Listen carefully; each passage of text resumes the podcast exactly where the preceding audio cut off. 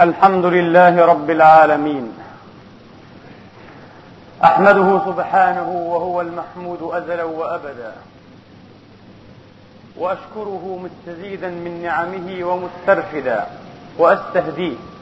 ومن يضلل الله فلن تجد له وليا مرشدا.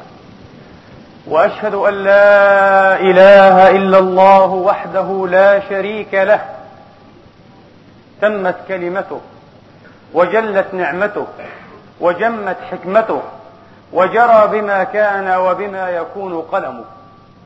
وأشهد أن سيدنا ونبينا وحبيبنا محمدا عبده ورسوله.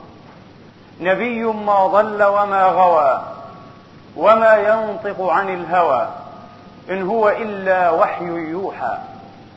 أكرمه الله سبحانه وتعالى فعرج به. حتى بلغ سدرة المنتهى. عندها جنة المأوى وسمع صريف الأقلام بالمستوى. وآذن سبحانه باسمه في المبتدا وفي المنتهى وفي الأرض وفي السماء. صل يا رب وسلم ما أردت على نزيل عرشك خير الرسل كلهم. محيي الليالي صلاة لا يقطعها إلا بدمع من الإشفاق منسجم. مسبح مسبحا. لك جنح الليل محتملا ضرا من السهد أو ضرا من الورم.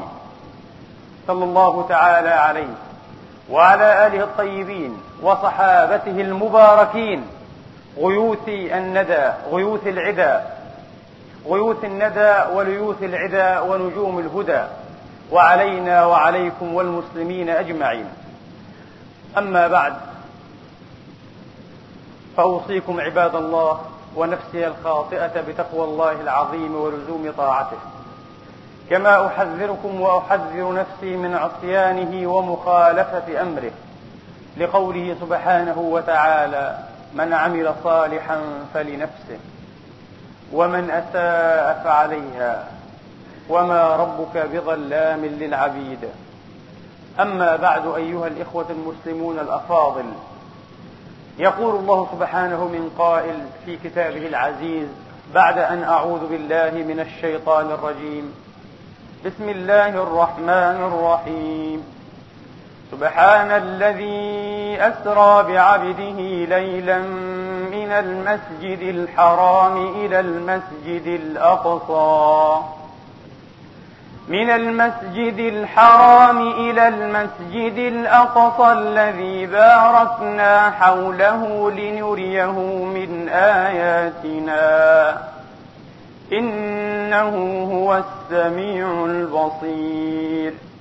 كما يقول سبحانه وتعالى والنجم إذا هوى ما ضل صاحبكم وما غوى وما ينطق عن الهوى إن هو إلا وحي يوحى علمه شديد القوى ذو مرة فاستوى وهو بالأفق الأعلى ثم دنا فتدلى فكان قاب قوسين أو أدنى فأوحى إلى عبده ما أوحى. ما كذب الفؤاد ما رأى أفتمارونه على ما يرى. ولقد رآه نزلة أخرى عند سدرة المنتهى عندها جنة المأوى. إذ يغشى السدرة ما يغشى. ما زاغ البصر وما طغى. لقد رأى من آيات ربه الكبرى. أيها الإخوة المسلمون الأحباب في ذكرى الإسراء والمعراج هاتين السفرتين والرحلتين العجيبتين بل المعجزتين. يحسن بنا أن نقف وقفات مع بعض الدلالات المتضمنة في هاتين الرحلتين. فقد اختار سبحانه وتعالى أن يجعل وقت هاتين الرحلتين المعجزتين قريبا. من منتصف عمر رسالته المباركة عليه الصلاة وأفضل السلام. وقد امتدت ثلاثا وعشرين سنة أو ثلاثة وعشرين عاما. وفي ذلك إشارة لا تخفى على ناظر إلى ما أراده الله من مسح المتاعب والمشاق والأحزان التي كابدها المصطفى عليه الصلاة وأفضل السلام. واكتنفته لا سيما في الوقت القريب من توقيت هاتين الرحلتين حين فجع عليه الصلاة وأفضل السلام بشعار له من الناس ودثار بخديجة شعاره رضي الله عنها وأرضاها وبدثاره من الناس عمه أبي طالب. وكان أيضا في اختيار هذا التوقيت الإلهي الحكيم إشارة إلى موعد الفرج والنصر والظفر القريب وتأميل في مستقبل أكرم وأفضل وتأميل في مستقبل أكرم وأفضل إذ من بين مطاوي الليل وظلماته وحندسه ينبلج نور الفجر وتلألأ وتتلألأ أنوار الظفر والنصر. كان في هذا التوقيت إشارة إلى بعض هذه المعاني وإلى ما هو أكثر منها بكثير. وبديه أنه عليه الصلاة وأفضل السلام إذ رفعه الله سبحانه وتعالى مقامات وشرفه بتشريفات جزيلة وحباه منحا كريمة عظيمة طائلة عليه الصلاة وأفضل السلام وفتح عين بصيرته وبصره أيضا على آفاق الملكوت على آفاق الملكوت مما يحسر بصر العقل عنده وتعجز خير الخيال أن تلحق بشيء منه أن تلحق بشيء منه. فقد انكشف له عليه الصلاة وأفضل السلام جملة عظيمة مما يدعو الناس إلى الإيمان به. رأى إخوانه النبيين والمرسلين. ورأى الجنة ورأى النار. بل إنه رأى ما هو أبعد من ذلك. رأى الجنة وأهليها ورأى النار وأهلها والعياذ بالله. وسيأتي تقريب علمي لهذه الرؤيا العجيبة. كيف وقع ذلك؟ كيف رأى الجنة وأهلها مع أن أهلها ما زالوا بعد في برازخهم أو في دنياهم يدرجون ويعيشون؟ وكيف رأى النار أيضا؟ وكيف رأى أهلها؟ مع أن أهلها على قريب من الحالة التي ذكرت للمنعمين من أهل الجنة. إما في برازخهم وإما في دنياهم يلهون ويرتعون والعياذ بالله. سيأتي تقريب علمي لهذه الرؤيا أو لهذه المرائي إن شاء الله تبارك وتعالى.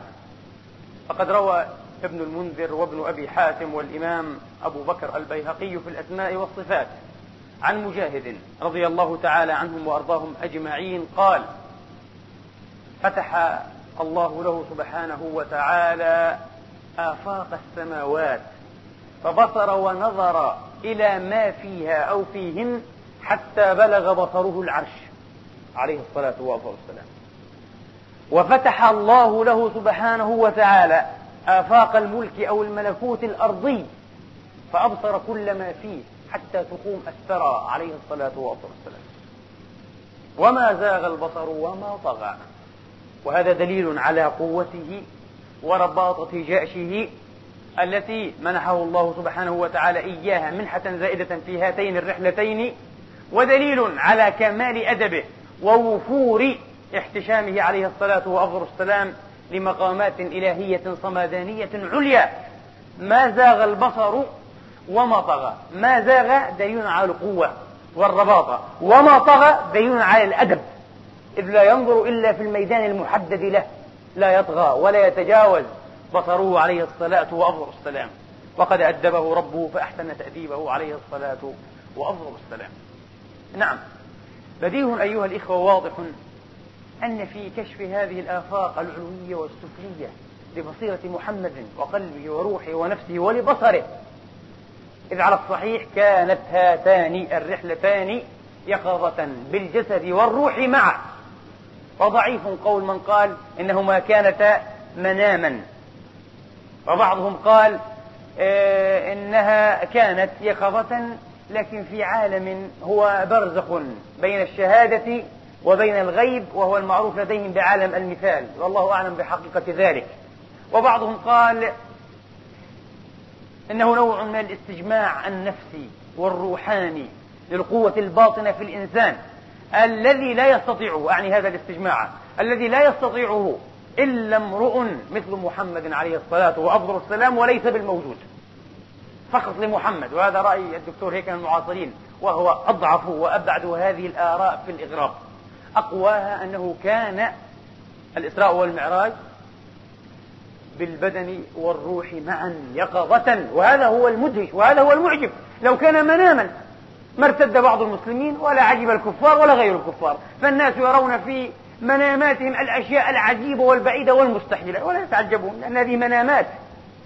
كيف تعجبوا وأنكروا؟ وبعض المسلمين ارتد وضربت عنقه مع أبي جهل كما في حديث ابن عباس وسيأتي والعياذ بالله.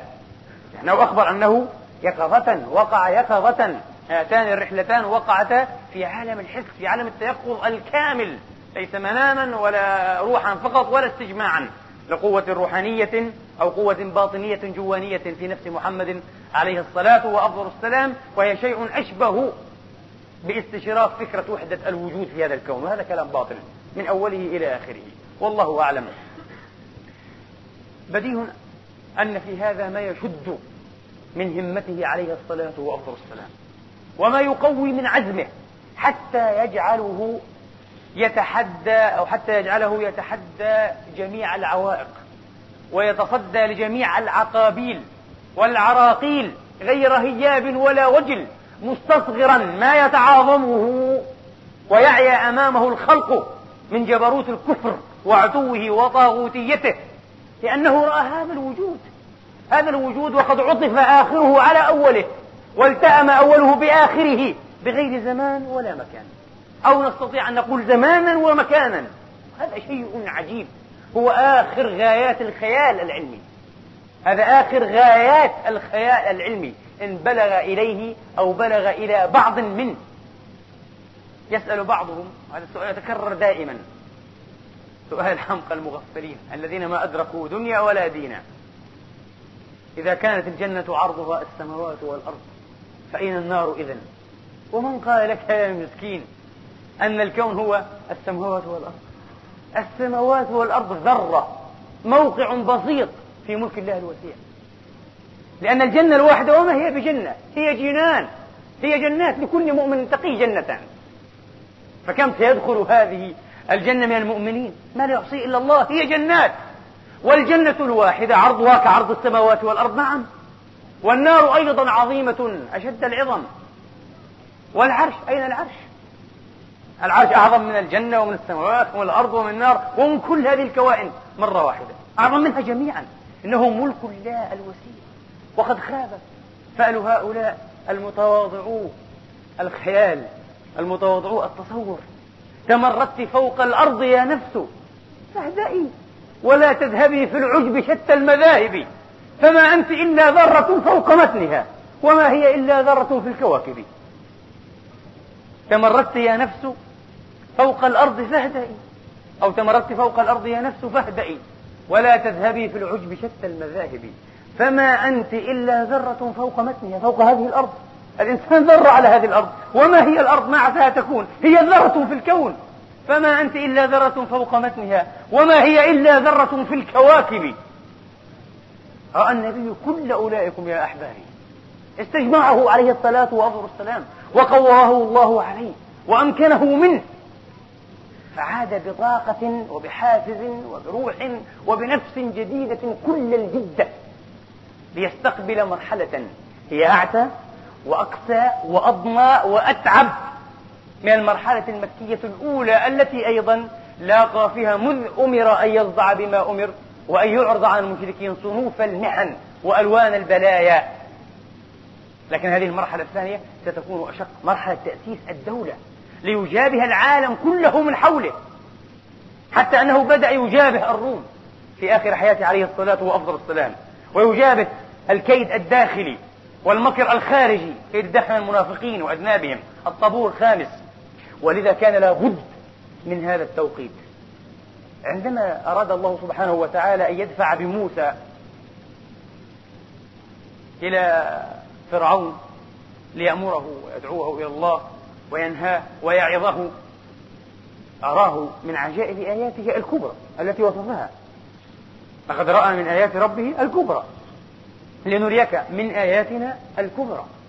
بعد أن أراه من آياته الكبرى قال له اذهب إلى فرعون. الآن اذهب. بعد أن أريتك من آياتي الكبرى اذهب إلى فرعون. بطاقة بنفسها تحد فيها قوة فيها استصغار لكل هذا الهيل والهيلمان لكل طاغوتية الطواغيت. وجبروت المتجبرين وعتو العاتين من هؤلاء الأقزام وسدنتهم.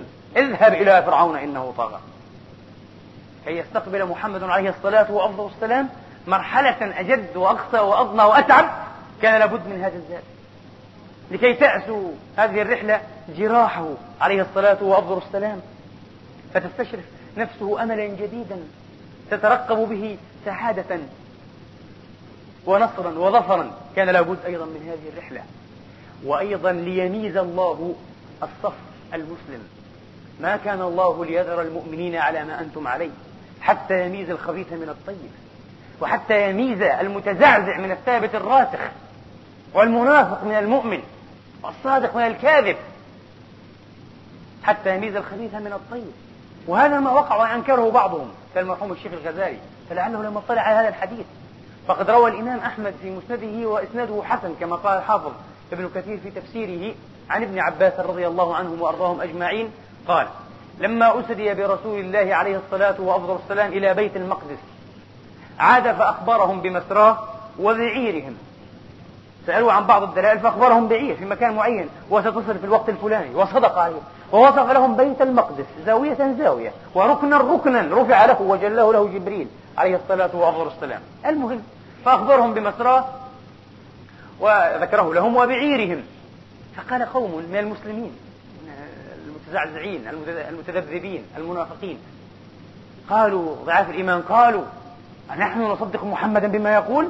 فارتدوا فضرب الله أعناقهم مع أبي جهل. ماتوا نعم ارتد مجموعة من المسلمين بلا شك هذا إسناد حسن. وقد رواه بإسناد صحيح الإمام النسائي وروى مثله الإمام أبو جعفر الطبري في تفسيره عن الحسن البصري رضي الله عنهم وأرضاهم أجمعين. وهذا ما وقع كان لابد من تمييز الصف كان لابد من تمييز هذا الصف. حتى يميز الله الخبيث من الطيب والكاذب من الصادق. فهذه إحدى عبر الإسراء. الإسراء والمعراج أيضا. بيان وبرهان. واضح. ولا أقول إشارة. بيان وبرهان واضح. على أن محمدا عليه الصلاة وأفضل السلام روحي له الفداء. هو إمام النبيين والمرسلين. ودينه هو الدين الأول والآخر. والأعلى والأزكى والأثبت بين سائر الأديان المحرفة لأن الدين عند الله واحد لكنهم جعلوه أديانا إذ حرفوه جعلوه أديانا إذ حرفوه فما عاد فما عاد دينا واحدا. وهو إمام القبلتين عليه الصلاة وأفضل السلام. إمام القبلتين ومقدم الفريقين. ومالك أزمة وألوية النبيين والمرسلين. المبعوث إلى جميع الثقلين الإنس والجن بشيرا ونذيرا عليه الصلاة والسلام كان يكفي مصلحا. لو كان محمد مصلحا كان يكفيه أن تنداح آماله وطموحاته وأن تجول همته في دائرة الجزيرة العربية. لكن رحلة الإسراء والمعراج جاءت برهانا على أن محمدا هو رجل الوجود هو رجل الكون عليه الصلاة والسلام وما خلق الله مثله. وهذا ورد صحيحا. حين رمى البراق وتحرك وكأنه أراد أن يحن مع رسول الله فقال له جبريل مه اسكت يا براق فوالله ما ركبك مثله. ما ركبك مثل محمد عليه الصلاة والسلام إذا لا بد أن يتجاوز دين محمد ورسالته وبشارته ونذارته عليه الصلاة والسلام جزيرة العرب لتعم العالمين. وما أرسلناك إلا رحمة للعالمين ومحمد كان هو النجم الذي جال في العالمين والنجم إذا هو. وهل يستبعد من نجم أن يقال إنه قطع في بعض ليلة أو في جزء من ليلة آمادا لا تقطع إلا في آلاف بل في ملايين وبلايين السنين الضوئية؟ لأنه نجم الكون. وما وردت الإشارة إلى معراجه إلا في سورة النجم. والنجم إذا هو قال الإمام جعفر الصادق عليه السلام هو محمد. والنجم إذا هو محمد إشارة إلى محمد عليه الصلاة وأفضل السلام ما ضل صاحبكم وما غوى. ثم يا إخواني قد يسأل سائل وقد سئلت هذا السؤال قبل أسبوعين ووعدت بجوابه مفصلا أوجزت الجواب بما يقتضيه المقام ووعدت بجوابه تفصيلا في موضع آخر فلعل هذا الموضع يحتمل بعض هذا الجواب. قد يقول قائل كيف عرج برسول الله عليه الصلاة وأفضل السلام حتى اخترق هذه العوالم جميعا على سعتها واندياحها وبعدها وسحقها في الوجود؟ كيف قطع كل أولئكم في بضع ليلة؟ والأصعب من هذا السؤال وكيف رأى ما لم يقع؟ كيف رأى أهل الجنة؟ وكيف رأى أهل النار؟ وأين هم أهل الجنة؟ وأين هم أهل النار؟ ما هذا هل رأى أمثالا لهم؟ هل تخيل؟ هل صور له هذا الشيء؟ أم أنه رآهم حقيقة؟ نحن نجزم ونوقن بأنه رآهم حقيقة. ونسأل الله أن يكون رآنا جميعا ضمن أهل الجنة. اللهم آمين. حقيقة. كيف ذلك؟ هل هذه أسطورة؟ هل هذه خرافة؟ كلا هي روح العلم. رحلة الإسراء والمعراج المعجزة العجيبة. روح العلم. ما أروع. كلمة أديب العربية الكبير مصطفى صادق الرافعي رحمة الله تعالى عليه في وحي القلم. حين كتب مقالة لطيفة عنوانها فوق الآدمية الإسراء والمعراج. فعلا هي فوق الآدمية. فوق الآدمية الإسراء والمعراج. قال جعل هذه الكلمات مفتتحا لهذه المقالة. اللطيفة. قال كيف يستوطئ المسلمون العجز؟ كيف يستوطئ المسلمون العجز؟ وأول دينهم وأول دينهم عمل المعجزة الكبرى. كيف يركن المسلمون إلى الجهل وصدر أمرهم أو قال صدر تاريخهم آخر غايات العلم أو أول دينهم آخر غايات العلم يشير إلى رحلة المعراج. هذا وقع في أوائل ديننا هو آخر غايات العلم آخر ما يمكن أن يطمح إليه العلم. وبديعة جدا كلمة الفيلسوف الشاعر المسلم محمد إقبال الهندي رحمة الله تعالى عليه حين قال لقد علمتني رحلة الإسراء والمعراج أن السماء ليست بعيدة جدا من الأرض. ما أروع هذه الكلمة هو قالها شعرا بالفارسية أو بالأردو. وهذه ترجمتها لقد علمتني رحلة الإسراء والمعراج أن السماء ليست بعيدة جدا من الأرض. هذه الرحلة تعطي صاحب النفس والتطلع والطموح العلمي إمكانية واضحة إلى أن الإنسان يستطيع لو أراد واصطنع الأسباب الملائمة وعرف مساتير الكون ودساتيره يستطيع أن يخترق وأن يمخر عباب الوجود. لا تنفذون إلا بسلطان. هو لم ينكر ولم يعجزنا ولم يحل هذه القضية قضية النفاذ. لكن اشترط السلطان وهو العلم والفكر والنظر والبحث ومعرفة المساتير بالدساتير والقوانين. لا تنفذون إلا بسلطان. لقد علمتني رحل المعراج أن السماء ليست بعيدة جدا بل إنها قريبة. وقريبة بكل المقاييس. بالمقياس الروحي الأدبي قريبة. فقد سئل الإمام علي عليه السلام وكرم الله وجهه كم بين السماء والأرض؟ وكان علي يعرف أن أحدا لا يستطيع أن يحسب ولا يستطيع أن يتخيل بعد ما بين السماء والأرض. فقال دعوة مستجابة. قريبة جدا عليه السلام. السماء قريبة جدا من الأرض. وما بينها وبين الأرض إلا دعوة مستجابة. قريبة بهذا الاعتبار أيضا. وقريبة بالنظر العلمي والطموح التجريبي هي قريبة أيضا. تأملت أيها الإخوة الأحباب في كتاب الله تبارك وتعالى فعجبت ووقع لي هذا لأول مرة أمس مساء حين استجمعت أفكاري حول هذه الخطبة وجدت أن كتاب الله تبارك وتعالى قد شهد وأعطى البراهين الكثيرة والحيثيات المختلفة على إمكانية ومعقولية رحلة الإسراء والمعراج المعجزة. هي معقولة وممكنة جدا. فمن قرأ كتاب الله علم معقوليتها وإمكانيتها. هي من أقسام الممكن وليست من أقسام المستحيل. هي ممكن عقلا أو منطقا وممكن علما. لكنها الآن ليست ممكنة واقعا أو اعتيادا. لكنها منطقيا ممكنة وعلميا ممكنة وعلميا ممكنة. كيف؟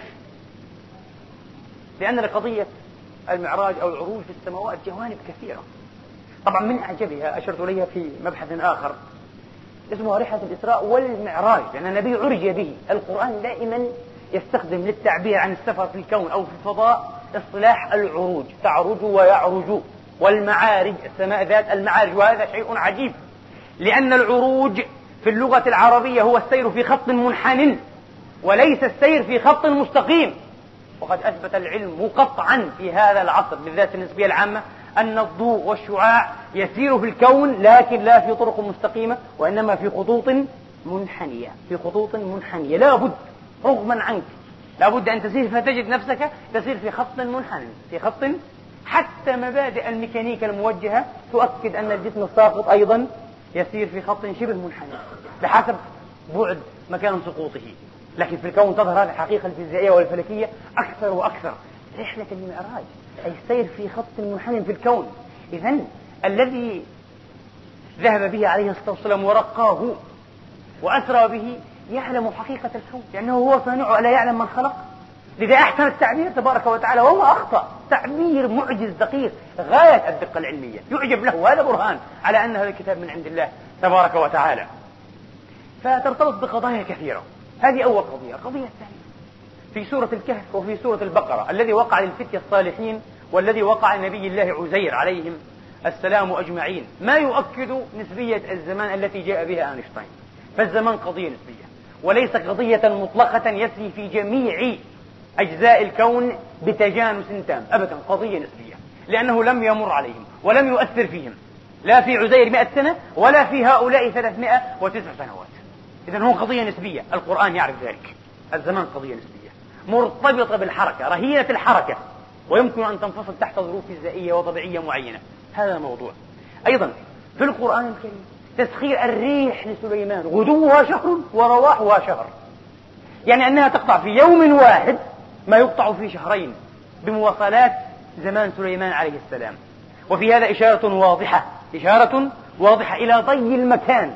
هناك طي الزمان أو تجميد الزمان. هنا إشارة إلى طي المكان نفسه. طي المكان. حين نضاعف السرعة حين نضاعف السرعة. وهذا ما أكده باضطراد تقدم العلم الحديث. نشهده الآن في مواصلات كثيرة. قضية الزمان وقضية المكان القرآن ضرب لها. قضية الانتقال بسرعات هائلة في الزمان وفي المكان وما يترتب عليه. القرآن أعطاها إمكانا عجيبا في قصة عرش بلقيس. في في قصة عرش بلقيس. حين جاء الذي عنده علم من الكتاب بعرشها تاما كاملا في أقل من لمحة بالبصر. إذا جاء به بسرعة ضوئية. انتقل لاسلكيا أو ضوئيا كأنه شعاع كأنه أصبح شعاعا قطعا. القرآن أعطى. الآن آخر أبحاث الفيزياء الحديثة آخر الأبحاث. تتكلم عن هذه النظرية teleportation theory. نظرية النقل اللاسلكي ممكن إنسان ينتقل لاسلكيا في ال teleportation كيف ينتقل؟ ينتقل بسرعة الضوء قد تقول عجيب إذا انتقل الإنسان بسرعة الضوء كيف يصبح؟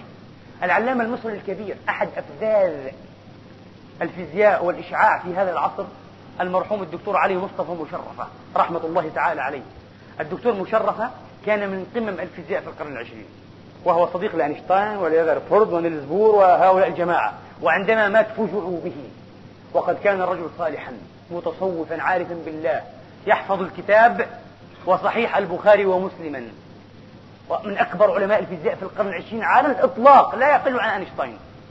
لكنه لكونه مسلما لم يعرف. وعندما عاد إلى بلده ومسقط رأسه مصر أيضا لم يرتقي المثابة التي تليق به. أي أيوة والله نحن هكذا دائما نبخس أنفسنا حظها وحقها من التكريم والتخليد والتمجيد. هذا الرجل العجيب وكان يخرج زكاة ماله مضاعفة. وتكفل بكثير من نفقات الطلاب سرا لم يعلم بذلك لا زوجه ولا أبنائه. ودهشوا بعد إيه؟ أن توفي إلى رحمة الله. رجل كان من الصالحين هذا الرجل. الدكتور علي مصطفى مشرفة. عنده نظرية عجيبة جدا هي التي اشتهر بها في الميكانيكا الموجهة والإشعاع. الموجهة والإشعاع. يقول ما المادة في أحد أبحاثه ما المادة إلا شعاع تباطأ. الكون كله في الأصل هو إيش؟ هو كهارب. وجسيمات نورانية. الله نور السماوات والأرض. هذا هو الكون كله. كله. لكن هذا الشعاع وهذه الكهارب هذا الضوء إذا تباطأ قليلا تجسد فلمحته العين فأصبح مادة. إذا أسرعت المادة أصبحت شعاعا وضوءا ولا تستطيع العين أن تراها. هذه قبل فكرة أينشتاين بالتكافؤ بين الطاقة والمادة في المعادلة الشهيرة التي انبنت عليها القنبلة الذرية كما هو معلوم. آه. آه إذا هناك إمكانية أن ينتقل أي جسم جسم إنسان كان أو غير إنسان معدن أو حيوانا عاقل أو غير عاقل أن ينتقل ضوئيا أو إشعاعيا. ينتقل إذا إذا انتقل ينتقل بسرعة الضوء. تتفكك تركيباته الذرية ثم يعاد تركيبها في المكان الذي استقر فيه. العجيب ونبهت على هذا في العام المنصرم العجيب أن ركوبة المصطفى أو راحلته أن راحلة المصطفى عليه الصلاة وأفضل السلام ورد في كل الأحاديث الصحيحة والحسنة والضعيفة أن اسمها هو البراق. والبراق مشتق من البرق أي من الضوء. البرق هو الضوء. إذا رحلة الإسراء والمعراج يا أحبابي تمت على مرحلتين. مرحلة الإسراء ومرحلة المعراج. في رحلة الإسراء انطفى النبي وارتحل وركب البراق الضوء. تهبت تسير بسرعة الضوء. تضع حافرها عند منتهى طرفها. لكنه حين عليه الصلاة والسلام عرج به من بيت المقدس شرفه الله وأعاده إلى حكم المسلمين وحيازتهم. اللهم آمين. وطهره من دنس هؤلاء الخنازير والقردة الصهيونيين. حين عرج به من بيت المقدس إلى السماوات السبع إلى ما بعد ذلكم قطعا عرج به بسرعات أكبر من سرعة الضوء. بكثير! وهنا سأذكر مسألتين أختم بها خطبتي هذه إن شاء الله تعالى. المسألة الأولى ما هي الحدود القصوى التي ذكرها القرآن الكريم للسرعات؟ ليست كما قال أينشتاين سرعة الضوء هذا كلام فارغ. الآن ثبت علميا أنه هذا كلام غير صحيح. هناك أمواج الجاذبية التي يقول فيها العالم فيزياء كيوركو الياباني أمواج الجاذبية في الكون تسير بسرعات تعتبر سرعة الضوء بالنسبة إليها كسرعة العجوز الذي يتكئ على عصا الضوء. سمى أينشتاين ال C السرعة المطلقة. لا ليست مطلقة ولا كلام فارغ. سرعة عادية. وقد تنسب إلى سرعات أعظم منها. القرآن ذكر ما نحدد به سرعة الضوء بشكل دقيق جدا وقد ذكرت هذا في خطبة خاصة. وإن يوما عند ربك كألف سنة مما تعدون قال العلماء أي هذا اليوم الذي إيه؟ تسير فيه الملائكة. كألف سنة مما تعدون السنوات القمرية. حسبنا ما يسير هو القمر في ألف سنة. ثم قسمنا على 24 ضرب 60 ضرب 60 على الثانية فخرجت لنا 300 ألف كيلومتر في الثانية وهي سرعة الضوء. واضح. لكن في آية أخرى يقول سبحانه وتعالى محددا أن ليست هذه السرعة هي السرعة المطلقة تعرج الملائكة والروح إليه في يوم كان مقداره خمسين ألف سنة. هنا إذا كانت هذه السرعة نسبية أي منسوبة فإذا السرعة القصوى في المعطى القرآني خمسين تساوي خمسين ضعفا من سرعة إيه؟ الضوء. لأنه خمسين ألف سنة كل ألف سنة تساوي يوما ضوئيا أليس كذلك؟ في يوم كان مقداره ألف سنة مما تعدون كل ألف سنة قمرية يعني ما يقطعه القمر في ألف سنة في الفراغ يساوي إيه؟ يساوي يوما ضوئيا في خمسين ألف سنة خمسين إيه؟ خمسين ضعفا إذا خمسين ضعفا لا هذا القول حتى ضعيف هناك ما هو أعجب وأدخل في العجب منه هنا لم يقل خمسين ألف سنة مما تعدون أليس كذلك؟ لم يقل مما تعدون هناك قال مما تعدون وعدم تقييد الخمسين ألف سنة بقوله مما تعدون يدل على أن المراد هنا معامل مضاعف كما يقول العلماء الرياضيون للسرعة. معامل مضاعف للسرعة أو معامل مبطئ للزمن. وبهذا لو حسبنا يعني خمسين ألف سنة ضرب 365 و25% اللي هي عدد أيام السنة أيام. وكل يوم هو إيه؟ سرعة ضوئية. فتصبح سرعة الملائكة في الثانية الواحدة بقسمة بسيطة تساوي خمسة وسبعة أو سبعة وخمسين في المئة من سرعة عفوا سنة ضوئية. يعني ست في العشرة من السنة الضوئية. يقطع الملك هذا الروح جبريل. يقطع في ثانية واحدة ست في العشرة من السنة الضوئية. ما يقطعه الضوء في نصف سنة تقريبا في أزيد من نصف سنة ستة في العشرة. شيء غريب مذهل. جبريل هو الذي إيه؟ عرج بمحمد. أخذه وعرج به في هذه السرعات. سأذكر شيئين لطيفين جدا. لو أردنا يا إخواني أن نرى أحداثا وشخوصا وكوائن جرت على هذا الكوكب الأرضي وتسرمت هل نستطيع؟ نعم نستطيع. علميا نستطيع. كل علماء الفلك والفيزياء يؤكدون هذه الحقيقة البسيطة. في في الفيزياء حقيقة بسيطة جدا جدا. نريد مثلا أن ندرك عصر الكريم موسى عليه الصلاة وأفضل السلام لنرى كيف دخل موسى على فرعون والمحادثات التي جرت بينهما. لكن لا نسمع الصوت. على الأقل نرى إيه؟ المشهد. نريد أن نرى موسى وقد إيه؟ ضرب البحر فانفلق إيه؟ بهذه الضربة. فكان كجبلين عظيمين وجاز بقومه. ونريد أن نرى جيوش فرعون وهي تلحق بهم. ما عليك هذا حصل إيه؟ حصل تقريبا ثلاث آلاف عام قبل ثلاثة آلاف عام أو ثلاث آلاف وثلاثمائة عام تقريبا. ما علينا إلا أن نسافر على متن سفينة ضوئية إلى كوكب يبعد عنا ثلاث آلاف وثلاثمائة عام. ثم ننصب التلسكوب لنرى كل هذه الأحداث. سنرى موسى يدخل على فرعون سنرى كل هذه الأحداث أمامنا بالبصر لا خيالا لأنها أحداث. أنا كيف أراك الآن؟ من الضوء الذي ينبعث منك من كل جزئية ينبعث.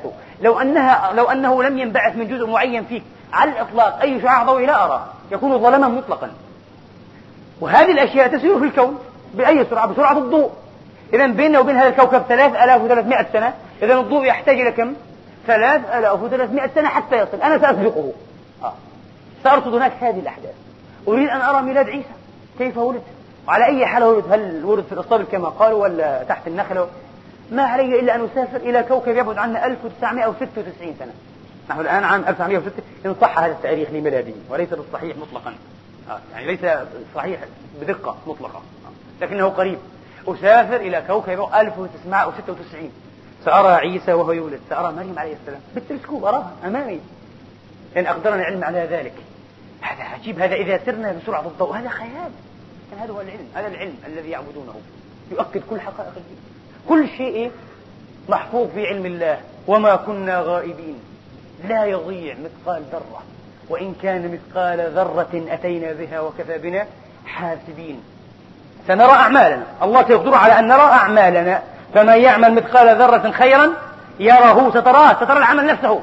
تأتيك بطريقة إلهية. العلم يقول لك سترى فكيف؟ الله رب العلم ورب العالمين سبحانه وتعالى والعالمين. هذا إذا سار الإنسان بسرعة الضوء. فكيف إذا سار بسرعة أعظم من سرعة الضوء؟ حينئذ سيبحر في المستقبل. سيرى ما لم يقع. سيراه وقد أبحر النبي عليه الصلاة وأفضل السلام في المستقبل. حين سار بسرعة تتجاوز سرعة الضوء مرات لا يعلمها ولا يدريها إلا الله. أبحر في المستقبل ورأى الجنة وأهل الجنة ورأى النار وأهل النار. يا أحبابي يبدو أن العالم ليس بهذه البساطة التي يريد أن يخيل إلينا جهلها جهلنا أنه عليها. دائما جهل الإنسان وعدم آه، تعشقه وعدم تشبعه بالحس العلمي وبالدهشة وبالحيرة العلمية يجعله يؤكد أن العالم هو على هذه وهذه الشاكلة التي يراها عليه أو التي يراه عليها. وبهذه الطريقة البسيطة طريقة الكومن سنس أو الحزب المشترك لكل الناس. أبدا. العالم أعقد وأبعد وأعجب بكثير. وما عرف الله سبحانه وتعالى لأجل هذه المعاني إلا العالمون. وما يعقلها إلا العالمون. نسأل الله تبارك وتعالى أن يفقهنا في دينه وأن يفقهنا في خلقه وكونه. أقول ما تسمعون وأستغفر الله لي ولكم أجمعين.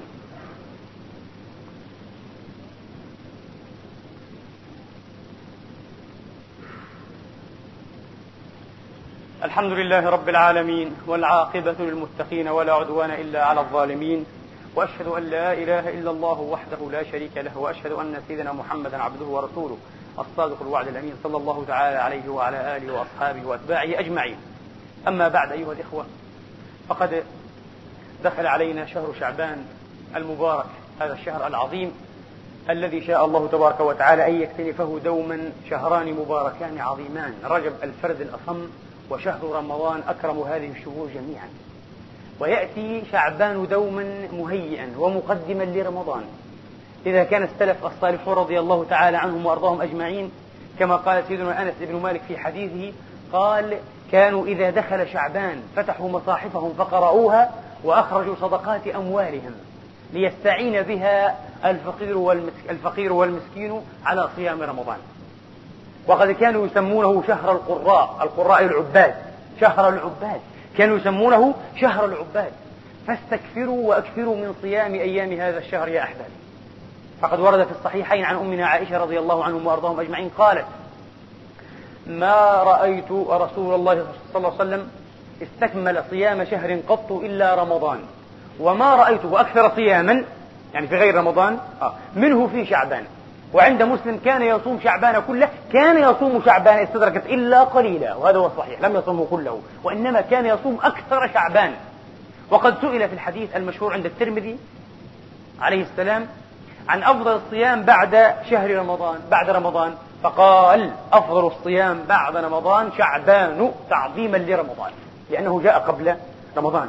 فتعظيما لرمضان نريد أن نعظم وأن نتبارك بهذا الشهر العظيم شهر شعبان شهر شعبان فنكثر فيه من قراءة القرآن ومن الصيام ومن إخراج زكواتنا إذا حال حولها حال عليه الحول وإخراج صدقاتنا. وإخراج صدقاتنا. وننتهي فيه عن المهاني حتى تتهيأ نفوسنا لتلقي الأرسال الرحمانية والأمداد الصمدانية التي سينفحنا بها مولانا سبحانه وتعالى في شهر رمضان من أوله إلى آخره إن شاء الله تبارك وتعالى. فتهيأوا لرمضان بتعظيم ومباركة شعبان أيها الإخوة الأحباب. وما ورد بخصوص ليلة النصف من شعبان التي يعظمها الناس ويقومون ليلها ويحتفلون بها يأخذون الأحفال الكبيرة المشهورة. هذا ليس له أصل ثابت عن رسول الله لا في الصحيح من حديثه ولا في الحسن ولم يصح عنه عليه الصلاة وأفضل السلام ولا عن أحد من أصحابه أو أتباعه أنه قام ليلة النصف من شعبان. أكثر ما كل ما فيها ضعيف ولم يصحح بعضه إلا العلامة ابن حبان ومن لف لفه. فلا نريد أن نعظم هذه الليلة بالذات حتى نقع في الابتداع في دين الله. نعظم سائر هذه الأيام وهذه الليالي إن شاء الله تعالى بالعبادة والدعاء والضراعة والقراءة والتلاوة. وورد في حديث ضعيف عند ابن ماجه يقول فيه عليه السلام إن الله لا يطلع ليلة النصف من شعبان على عباده فيغفر لكل أحد ذنبه إلا لمشرك أو مشاحن الحديث ضعيف لكن نذكره لأنه في رغائب الأمور وفضائل الكمالات والمحامد. فيغفر لكل أحد ذنبه إلا لمشرك أو مشاحن الذي يخاصم إخوانه. خاصم هذا ومزعل هذا وغضبان من هذا وزعلان من هذا هذا لا يغفر له ذنبه. وشهر شعبان كما تعلمون شهر ترفع فيه الأعمال إلى الله. حدثتكم قبل سنة تقريبا عن رفع فوري هناك رفع فوري في صحيح مسلم وهناك رفع يومي وهناك رفع أسبوعي يوم الاثنين والخميس وهناك رفع سنوي في شهر شعبان. قال عليه الصلاة والسلام هو شهر ترفع فيه الأعمال إلى الله فأحب أن يرفع لي فيه عملي وأنا صائم. اللهم اهدنا واهد بنا. اللهم إنا نسألك رحمة من عندك. تهدي بها قلوبنا وتجمع بها أمورنا وتزكي بها نفوسنا وتلم بها شعثنا وترد بها غائبنا وترفع بها شاهدنا وتعصمنا بها من كل سوء. اللهم إنا نسألك الهدى والتقى والعفاف والغنى. ربنا اغفر لنا ولوالدينا وللمسلمين والمسلمات ولا تجعل في قلوبنا غلا للذين آمنوا. ربنا إنك رؤوف رحيم. اللهم ربنا أعنا على ذكرك وشكرك وحسن عبادتك. اللهم أعنا على ذكرك وشكرك وحسن عبادتك. وآتنا في الدنيا حسنة وفي الآخرة حسنة وقنا عذاب النار. عباد الله إن الله يأمر بالعدل والإحسان وإيتاء ذي القربى وينهى عن الفحشاء والمنكر والبغي. يعظكم لعلكم تذكرون. اذكروا الله يذكركم واشكروه يزدكم وسلوه يعطكم وقوموا إلى صلاتكم يرحمني ويرحمكم الله.